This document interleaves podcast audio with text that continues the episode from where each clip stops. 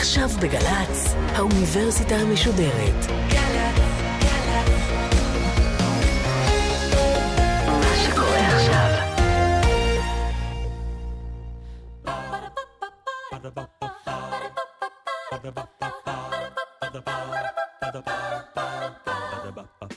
נזכור, האוניברסיטה המשודרת במהדורה מיוחדת על שיח השואה בחברה הישראלית מאז ועד היום. והפעם, מאיה להט קרמן, בשיחה עם הדוקטור אסתר ובמן, חוקרת בכירה במרכז דיין באוניברסיטת תל אביב, על זיכרון השואה בחברה הערבית. עורכת ראשית, מאיה גאייר. ערב טוב. אנחנו חותמים היום את הסדרה המיוחדת הזו של האוניברסיטה המשודרת, שעוסקת בשיח השואה ובעיצוב הזיכרון שלה בחברה הישראלית. ובפרק האחרון שלנו אנחנו מבקשים לפנות לאותו חלק בחברה שלרוב אנחנו לא חושבים עליו בהקשר הזה. אותו חלק שנדמה כאילו הוא מנותק מזיכרון השואה. ערביי ישראל. בתוכנית הערב נשאל אם אמנם כך. מי שתנסה לבאר עבורנו אילו תהליכים עברה החברה הערבית בהקשר של זיכרון השואה היא הדוקטור אסתר ובמן, חוקרת בכירה במכון לחקר האנטישמיות והגזענות על שם אה, סטפן רוט ומרכז דיין באוניברסיטת תל אביב, אשר כתבה בצוותא עם פרופסור מאיר ליטבק את הספר, בעל הכותרת המעניינת, מאמפתיה להכחשה. תגובות לשואה בעולם הערבי, בו מתועדים ייצוגים של השואה בכלי התקשורת הערביים בין השנים 1945 ל-2009. ערב טוב לך, דוקטור אסתר ובמן. ערב טוב. אני חייבת לפתוח בשאלה על כותרת הספר שלך. אמפתיה? באמת אה, היה גם שלב כזה? כן, לפחות בתחילת התקופה, מיד אחרי מלחמת העולם השנייה. נחזור רגע, בזמן מלחמת העולם השנייה, כמה בכלל יודעים בעולם הערבי על מה שקורה באירופה? העולם הערבי, לפחות השכבות האינטלקטואליות שלו, היה מודע למה שנעשה כל הזמן באירופה, לפני המלחמה, בזמן המלחמה ולאחריה. היקף השואה או הטרגדיה היהודית, כן, והרצח, למעשה נודעו רק לקראת סוף 42, גם לציבור היהודי. מה גם שהם ידעו היטב שגרמניה הנאצית רדפה אחרי היהודים מיד עם עלותו של היטלר לשלטון ב-33. זאת אומרת, התמונה, גם במהלך המלחמה, אם כי אנחנו לא יודעים במדויק כן, מה הם הגיבו, אבל בהחלט היו תגובות. ואפילו אני מוכנה לומר שב-44, כשהוקמה הליגה הערבית למשל, ישנו סעיף שמתייחס לנושא של מה שהם קוראים בעיית פלסטין, ובתוך הסיפור הזה הם מתייחסים להכרה שהייתה שואה ליהודים, זאת אומרת, הרצח שהיה בגרמניה הנאצית בתקופת המלחמה. והם מגנים אפילו את התופעה, אבל מצד שני, הם כבר שם מתחילים לקשור את הנושא של פלסטין עם העניין של פתרון הבעיה היהודית. זאת אומרת, מ-45 יש לנו משולש של ציונות, הטריטוריה עצמה, ישראל, נכון. והשואה, נכון. והערבים בעולם ובתוך ארץ ישראל אז, פלסטינה, מתחילים uh, להתמודד עם זה. בהחלט, בהחלט. זאת אומרת, יש שתי בעיות על הפרק, וכך רואים את זה גם לפני המלחמה. הבעיה היהודית, בגלל הרדיפות הנאציות, והבעיה של פלסטין. מה גורל האזור הזה שנשאר אזור מנדט, בעוד כל המדינות האחרות הערביות היו כבר מוגדרות כמדינות.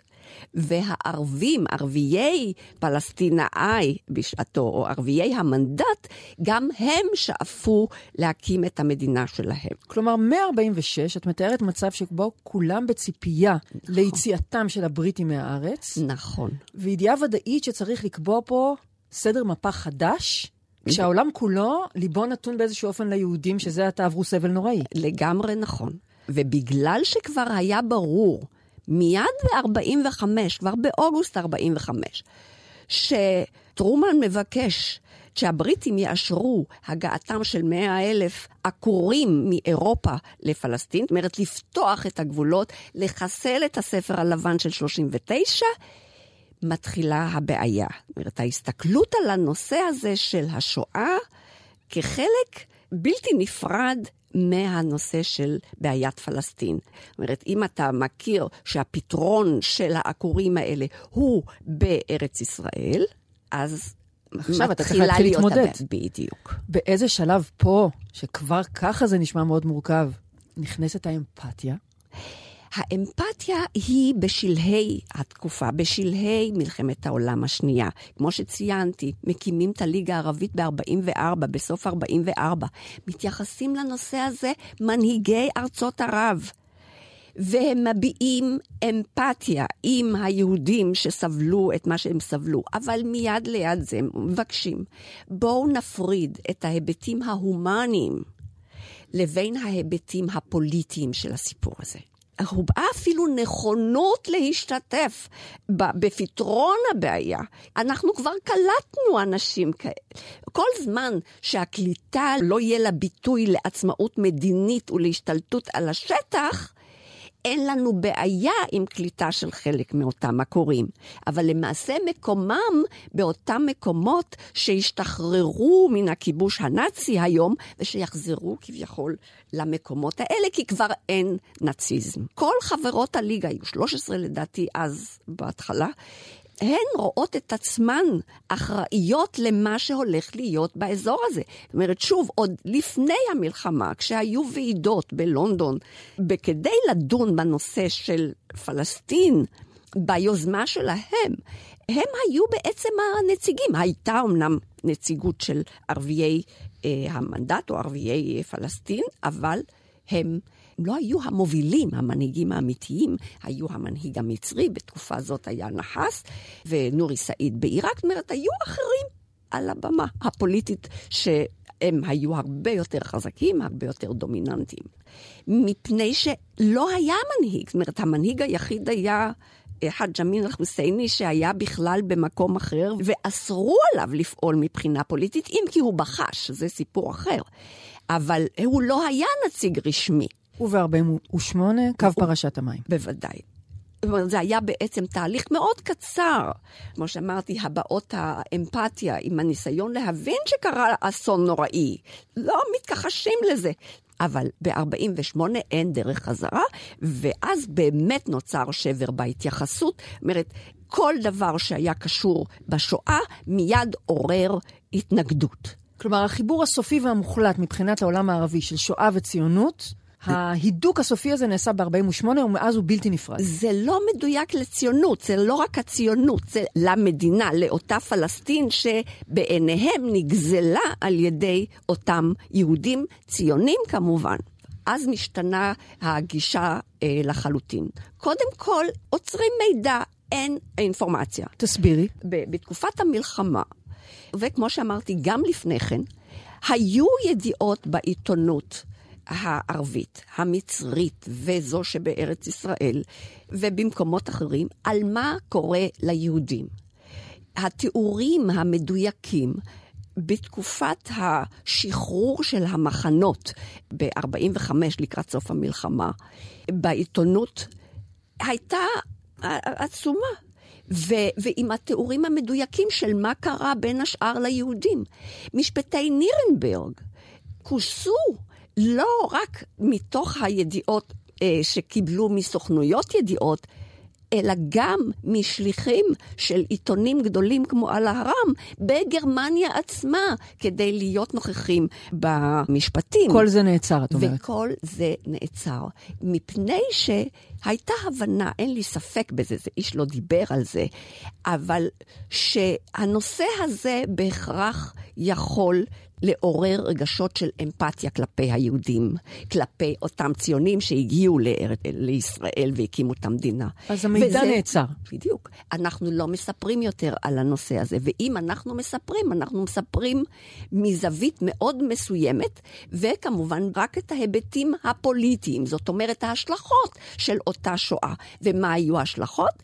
ישראל, הקמת מדינת היהודים. זאת אומרת, הקשר הזה בין השואה לבין הקמת מדינת ישראל הוא בל ינותק. אם המידע נעצרת גם האמפתיה מן הסתם, ובמקומה מגיעה מה? הצדקה? כל האלמנטים האלה פורצים בעצם בבת אחת, עוד לפני שקמה המדינה, כשרואים לאן זה הולך, מאמצע שנות, שנות ה-40. זאת אומרת, זמן קצר אחרי המלחמה, כשברור שהכיוון הוא שמדינות המערב, או אה, חבר הלאומים, ואחר כך כמובן האו"ם, הולכים לאשר את הקמת המדינה אה, היהודית, וזה לא משנה אז על איזה שטח אנחנו מדברים, אבל זה, מבחינתם זה היה לאו מוחלט. באופן אינסטינקטיבי נוצר שיח, קודם כל סביב הניסיון לגמד את התופעה. זה לא כצעקתה. וגם בכלל, כל כך הרבה נהרגו במהלך המלחמה. זאת אומרת, זאת לא הכחשה, זו לא, הקטנה. אפשר לקרוא לזה גימוד, Okay. אוקיי. או רלטיביזציה. לא רק יהודים מתו בתקופת המלחמה. הרבה יהודים גם מתו כתוצאה מתנאי המלחמה הקשים. הם אה, גם מצדיקים? יש גם הצדקה. כן. נכון. ההצדקה בתחילתה מתחילה במין ניסיון להסביר למה זה קרה ליהודים. זו שאלה של השכר ועונש, אם אנחנו, זה קצת מהדהד גורמים אחרים שאנחנו יותר מכירים. אתה מדבר על אוכלוסייה דתית שמאמינה באלוהים. זאת אומרת, אתה מנסה לשאול את השאלה, למה זה קורה ליהודים? למה כביכול אלוהים מעניש את היהודים על משהו שהם עשו? מה התשובות שהם נותנים? והתשובה היא, הם בגדו, הם בגדו בגרמניה, וכאן יש איזשהו אימוץ של השיח הגרמני של אחרי מלחמת העולם הראשונה. היהודים הם בוגדנים, אה, הם תקעו סכין בגב העם הגרמני, ולכן צדק בעצם היטלר בזה שהוא נלחם בהם עד חורמה, מפני שהם פגעו במדינה ובעם שלו. אם כי הם צריכים מאוד להיזהר משימוש בשיח בצידו הגזעני, משום שהגזענות הזאת הייתה כלפי כל השמים. נכון, נכון לגמרי, ובהחלט חלק מהאינטלקטואלים, לפחות בתקופה של עד המלחמה, עד סוף המלחמה, בהחלט הביע התנגדות וביקורת חריפה מאוד על המשטר הנאצי, מתוך אותה הבנה שהוא בעצם מתייחס אליהם בתור הבאים בתור בסולם הזה של הנחיתות. וזה מעניין שבשיח המאוחר יותר, ההיבטים האלה עולים בחזרה. זאת אומרת, היה אחד הכותבים בשנות ה-90 המאוחרות, שביקר את החברה הערבית, על זה שבאופן אוטומטי הם מעמידים את עצמם בצד שכנגד העמדה היהודית הישראלית, כשבעצם בהתייחסות לימין הקיצוני באירופה, הם בעצם נמצאים על אותו צד. ולכך נגיע, אני מתארת לעצמי, בסוף, בסוף השיחה. נכון. אנחנו עכשיו בשנות ה-50, מדינת ישראל הצעירה שסועה בגלל הסכם השילומים, נכון. ובסופו של דבר זה קורה. כן. בגרמניה מזרימה כספים אדירים, עצומים, רבים מאוד לישראל. איך זה מתקבל בעולם הערבי אז? בהתנגדות עצומה. יש ניסיון מאורגן של הליגה הערבית למנוע את חתימת ההסכם בין הגרמנים לבין ישראל. והרעיון היה, אתם יכולים לתת כסף באופן אינדיבידואלי, פיצויים למי שבאמת נפגע, אבל בעצם ישראל לא הייתה קיימת אז, ואין לה זכות לייצג בעצם את כל היהודים. זאת אומרת, זה היה אגב, טיעון משפטי ששיקף גם לא רק את העמדה הערבית, אלא אנשי חוק ומשפט בינלאומיים אחרים. ואז משתמשים בנושא של השילומים כדי להוכיח שבעצם הציונות וישראל כמובן מנצלים את השואה לצרכים שלהם ומפעילות לחץ פסיכולוגי על מדינות אירופה כדי להחזיק מעמד. כלומר, האם את מציינת את הסכם השילומים כעלייה במדרגה של הפוליטיזציה של השימוש בשואה בעולם הערבי, לצורך העניין? לגמרי, בהחלט כן, וזה מעניין ש...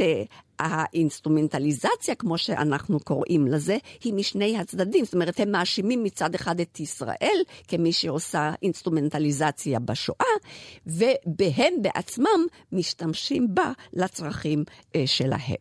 לימים, ב-1993, כותב דוקטור עזמי בשארה, שאנחנו זוכרים כבר את אה, סוף הקריירה שלו בישראל, כאשר שהוא נחשד אה, בריגול ובסיוע לארגון החיזבאללה ונמלט מישראל, אבל הוא היה חבר כנסת פה שנים רבות, הוא חוקר, הוא אקדמאי.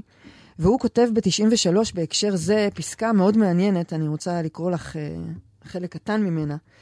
זירת האסון ההרסני של השואה הייתה אירופה, ומבצעי ההאחדה היו אירופים.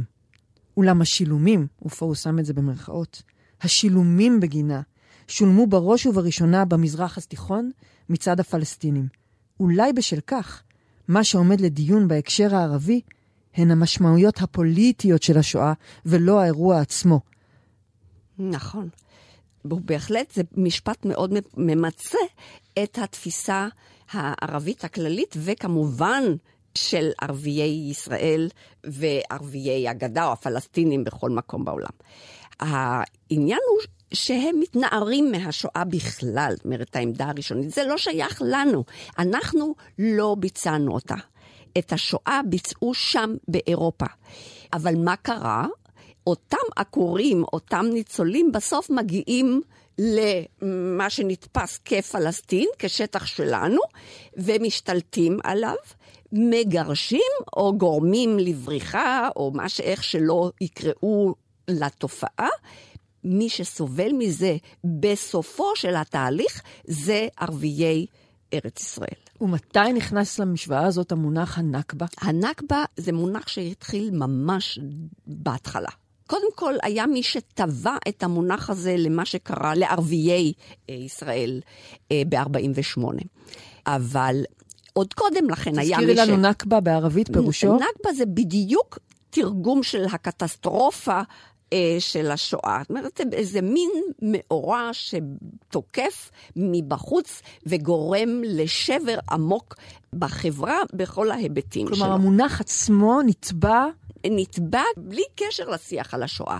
אבל מה שכן נעשה זה החיבור בין השואה לבין הנכבה, שגם הוא חיבור שמתחיל ממש ממש מיד עם ההתחלה. זאת אומרת, עוד לפני זה היו מאמרים שהזהירו שמה שקרה ליהודים עלול להביא או לגרום לנכבה עוד יותר גדולה ממה שקרה להם. והם באמת רואים, וכך הם מגדירים את עצמם, לקורבנות של הקורבנות. האם יש קול בחברה הערבית שאומר, אה, אי אפשר להשוות, פה מדובר ברצח עם סיסטמטי, אכזרי, ופה מדובר באירוע היסטורי? יש, אבל זה בודדים, וזה חלק משיח שהתפתח מאוחר יותר.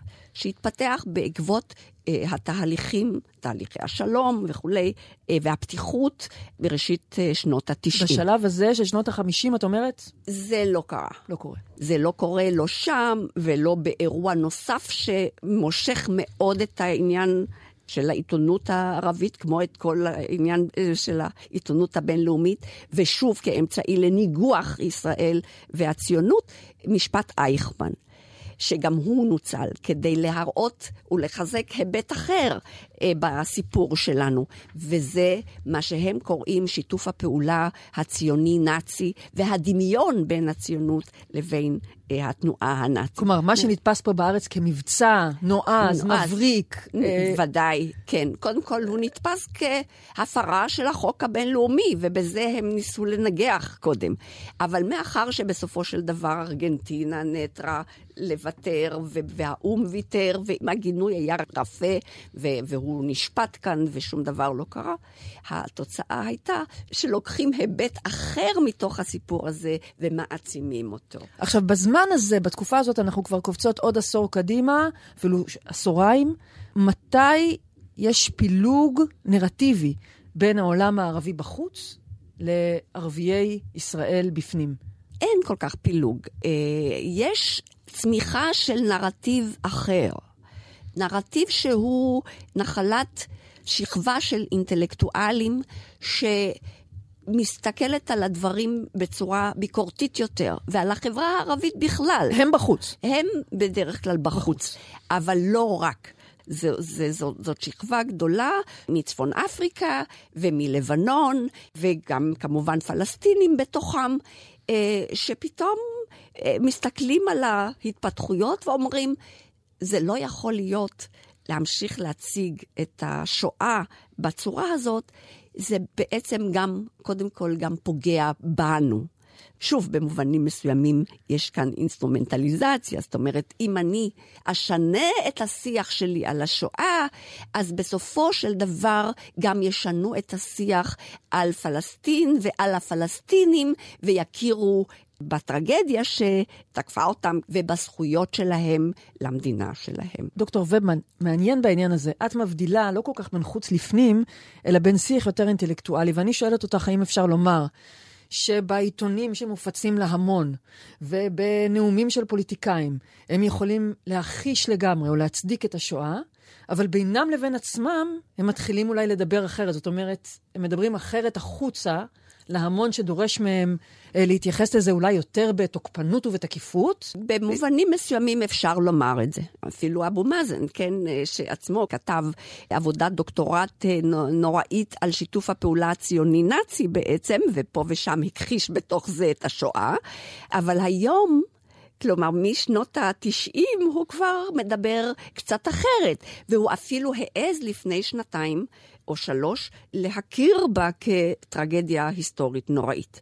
והנה אמ, קול קורא לעם הפלסטיני, ככה הם אומרים, לרגל יום השנה ה-50 לנכבה. נכון. פורסם במאי 98, נכון. אני אקרא ממנו שני משפטים. כן. בעודנו מעניקים הכרה, מלווה בהשתתפות בצער, בסבל היהודי שלא יתואר בתקופת הזוועות של השואה, אנו מאמינים שאין זה מוסרי להכחיש, או אפילו למצוא צידוק לסבלו של עמנו. נכון.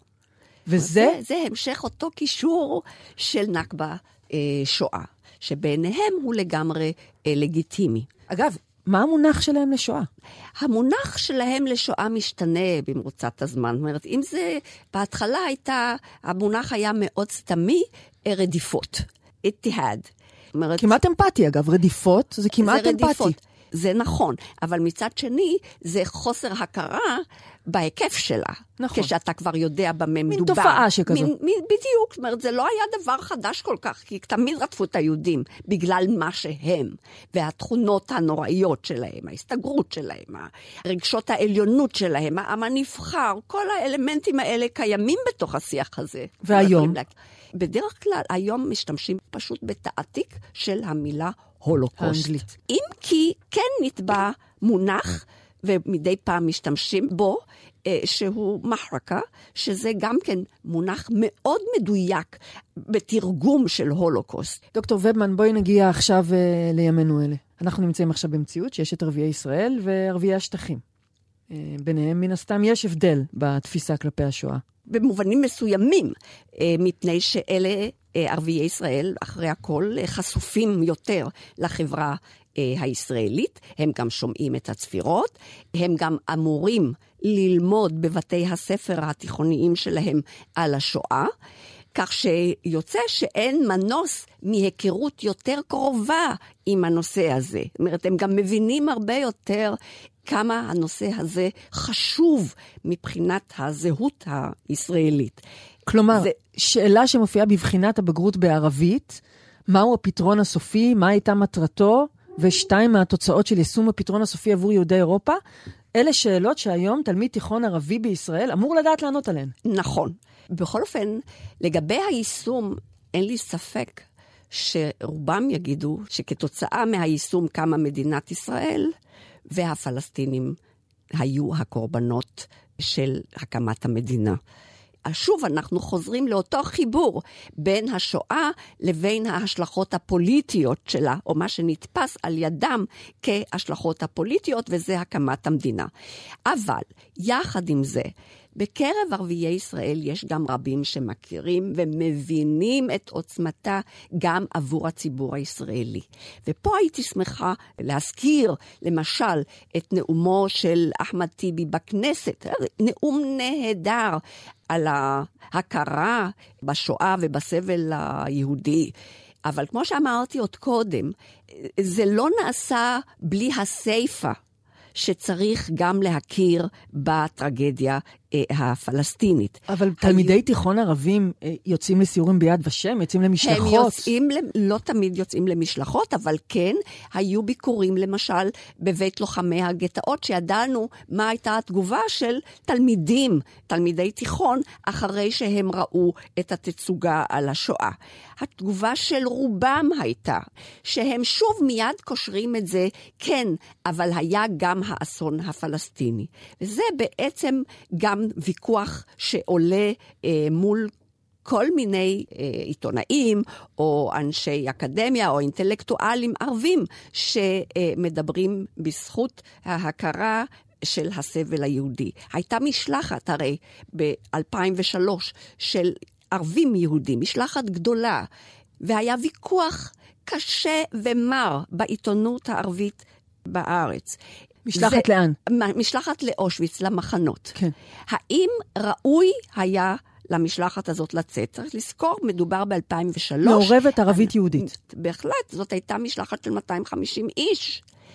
והביקורת הייתה אה, במקום זה היה צריך לארגן משלחת לג'נין. זאת אומרת, מיד החיבור הזה, וזה חיבור שנעשה גם לידי הפלסטינים בגדה וגם במקומות אחרים. והנה אנחנו מגיעות, דוקטור ובמן, לסופה של השיחה שלנו. ומה באמת קורה עכשיו, בימים אלה, בשיח המתפתח הזה, וכנראה שלא נדע לאן הוא עוד יתפתח, ובכל זאת מה קורה בו היום? השיח לא השתנה באופן מהותי בשנים האחרונות. יש כל הזמן המתח הזה בין אלה שמכירים בשואה ומבינים את עוצמתה ואת הטרגדיה היהודית מצד אחד, ומצד שני, את אלה שמנסים וממשיכים להכחיש ולהסביר שאין הכרה מפני שכל הכרה כזאת מערערת בעצם על הזכות הפלסטינית אה, לארץ ישראל. ולצערי, מסתבר מאחד הסקרים שנעשו בקרב אה, ערביי ישראל, שלפחות 40 אחוז מחזיקים בדעות של הכחשה. ויחד עם זה, יש בעשור האחרון מגמה שאני רואה בה מגמה חיובית של חוקרים ערבים. בין אם זה בגדה, בין אם זה בקרב ערביי ישראל ובין אם זה במרכזים אקדמיים אחרים, שמתחילים להתעניין בנושא עצמו, ולא רק במה שקשור, או בהשלכותיו, כפי שגם אה, אמר אה, אה, בשארה. ולעסוק במחקר גם של השיח הערבי עצמו. דוקטור אסתר ובמן, תודה רבה לך. תודה לך.